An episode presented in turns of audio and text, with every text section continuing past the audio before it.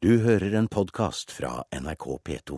Bjarne Håkon Hansen tar selvkritikk for deler av prosessen der Kirkens Bymisjon fikk 30 millioner kroner for å drive et rusprosjekt i 2009. Og i Politisk kvarter snakker du med den tidligere statsråden som det på ny blåser rundt Sigrid Sol. Ja, Bjørn Håkon Hansen er blitt beskyldt for inhabilitet og for å bryte reglene. Han nekter for mye og innrømmer noe.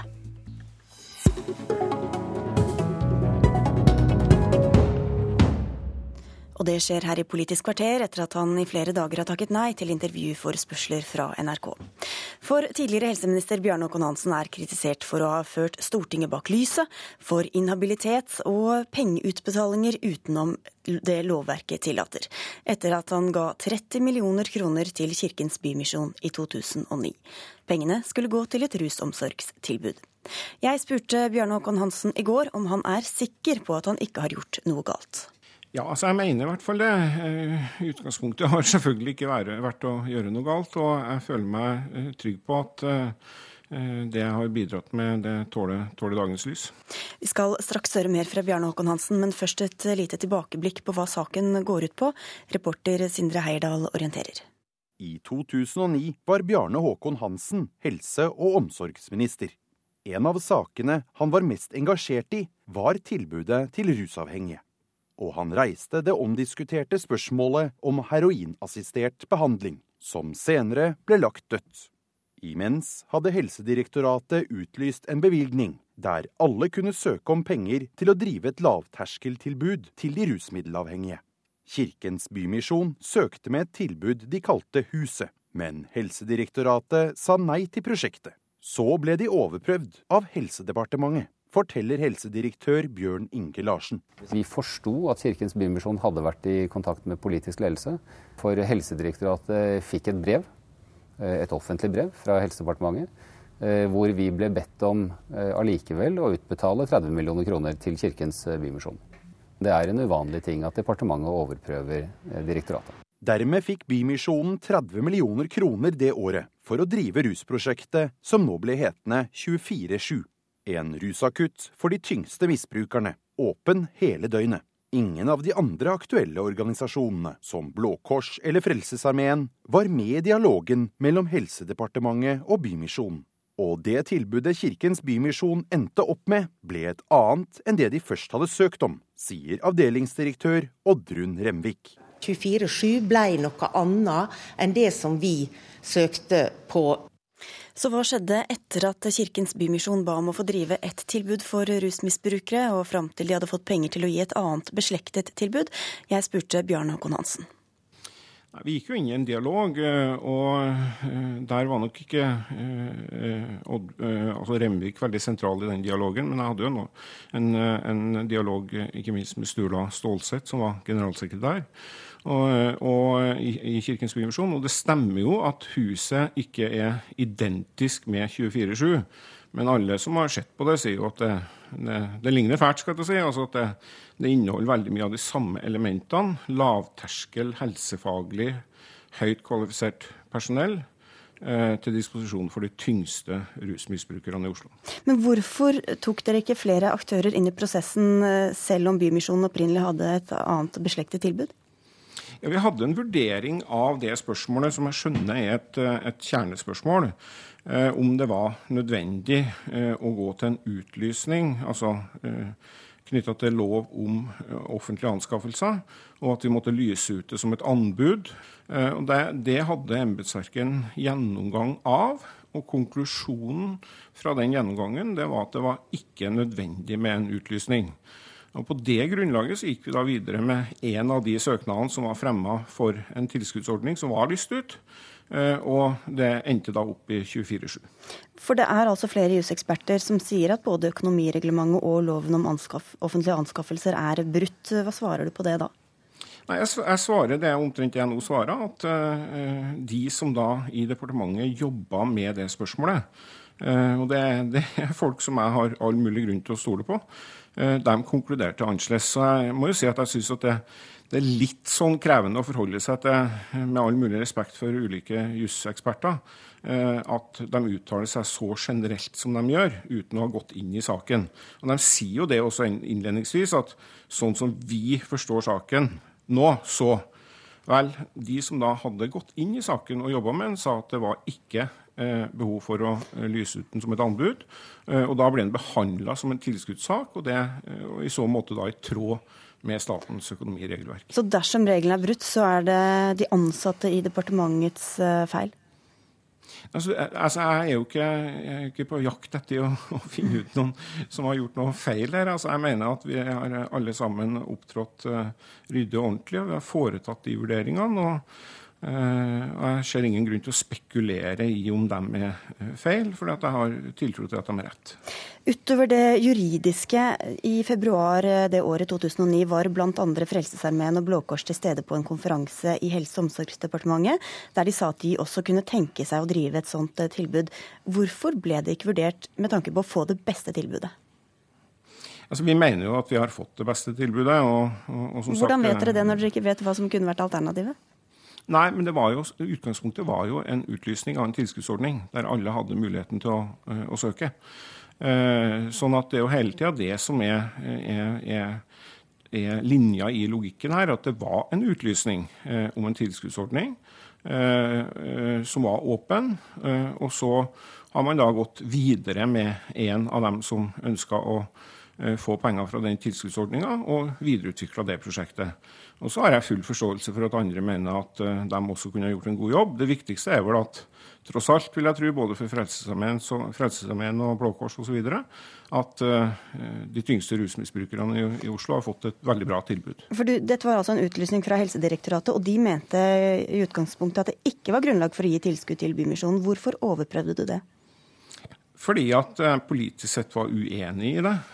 og det er jo ikke sånn at det er ikke sånn at det er noe ulovlig eller regelbrudd å overprøve Helsedirektoratet. Uh, hvis det var sånn at vi, ikke, vi politikerne ikke skulle bestemme noe som helst, så kunne vi jo gått hjem. Så kunne Helsedirektoratet og departementet styre, styre alt. Men sånn er det jo ikke, heldigvis. Så, men du har den muligheten, men ifølge bl.a. professor i statsvitenskap ved Universitetet i Oslo, Tore Hansen, må det da skje ved at du formelt trekker pengene tilbake fra direktoratets eget budsjett, for så å tildele pengene. Ble det gjort?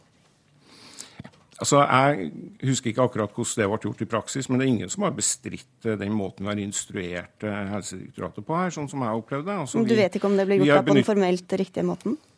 Det føler jeg meg veldig trygg på at vi gjorde på en formell riktig måte. For når vi instruerer direktoratet, så gjør vi det selvfølgelig på en skikkelig ordentlig måte. Men hvordan, Hvor finner du grunnlaget i loven for å direkte styre over Helsedirektoratets eh, penger?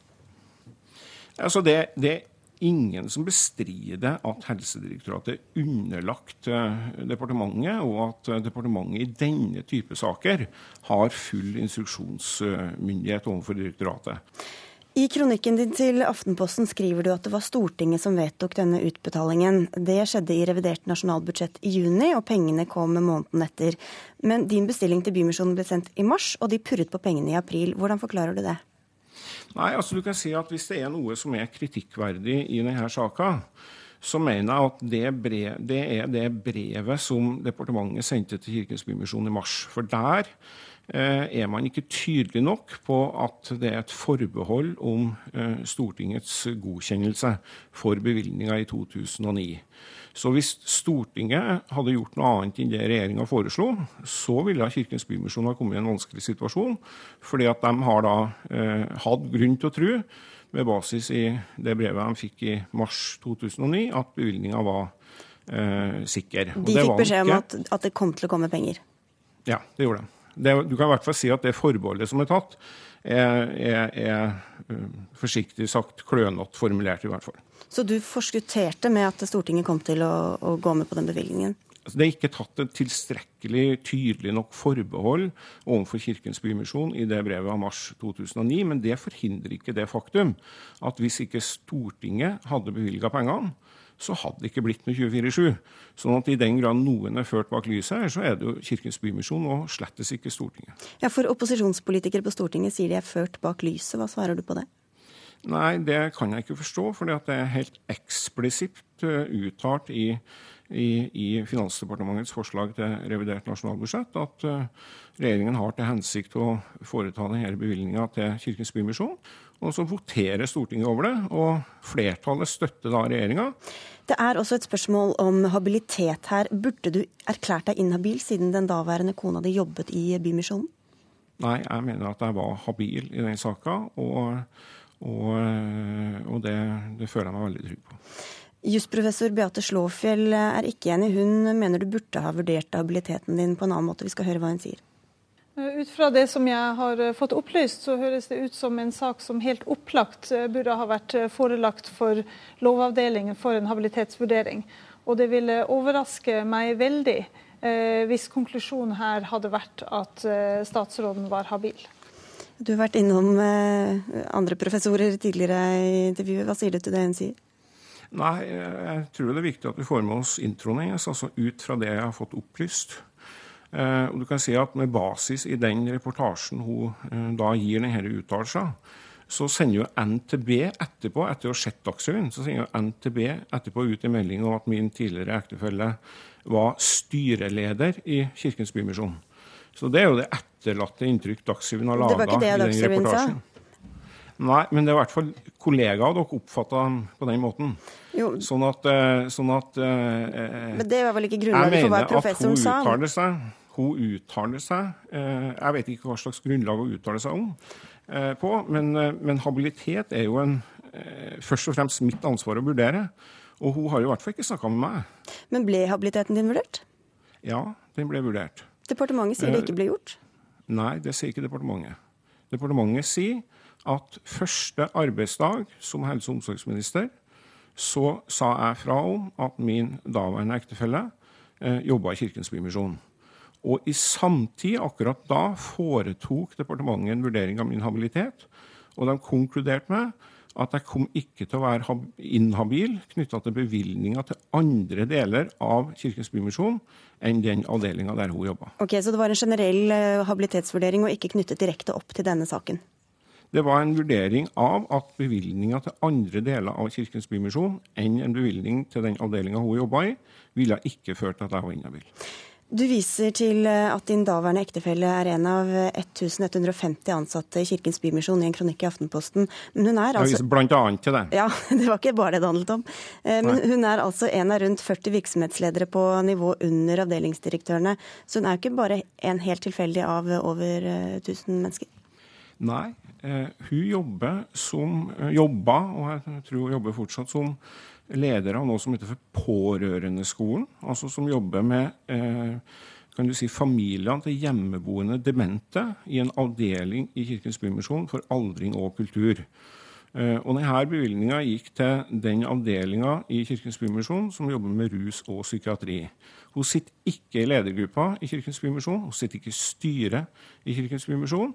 Og departementets vurdering var altså allerede første arbeidsdag Eh, at en bevilgning til andre deler av organisasjonen enn den hun jobba i, eh, gjorde ikke meg inhabil.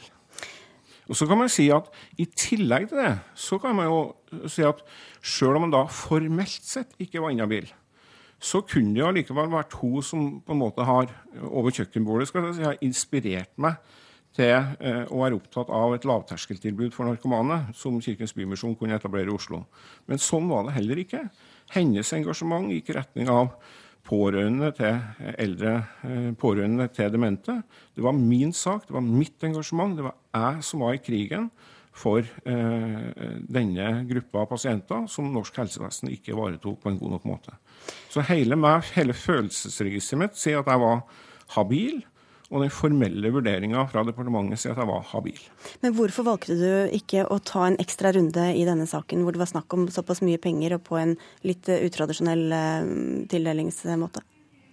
Altså fordi at de, de, rådene jeg fikk på det eh, når det ble diskutert når jeg starta opp, var sånn at det var ingenting som tilsa at vi hadde behov for det. Altså de, de, de anbefalingene jeg fikk, de var at jeg formelt sett var eh, ikke eh, inhabil.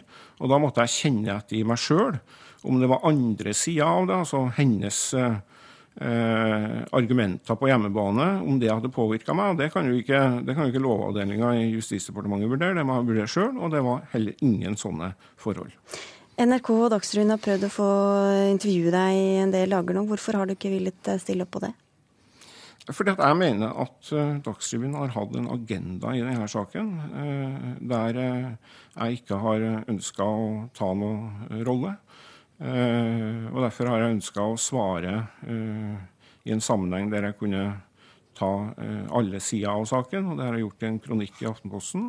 Og så har jeg også stilt opp i dag nå til Politisk kvarter. Som sagt så gjort, dette sa altså Bjarne Håkon Hansen på vei til påskeferie i går. Og med det er Politisk kvarter slutt. Fikk du ikke med deg hele, kan du laste det ned som podkast. Jeg heter Sigrid Solund. Du har hørt en podkast fra NRK P2.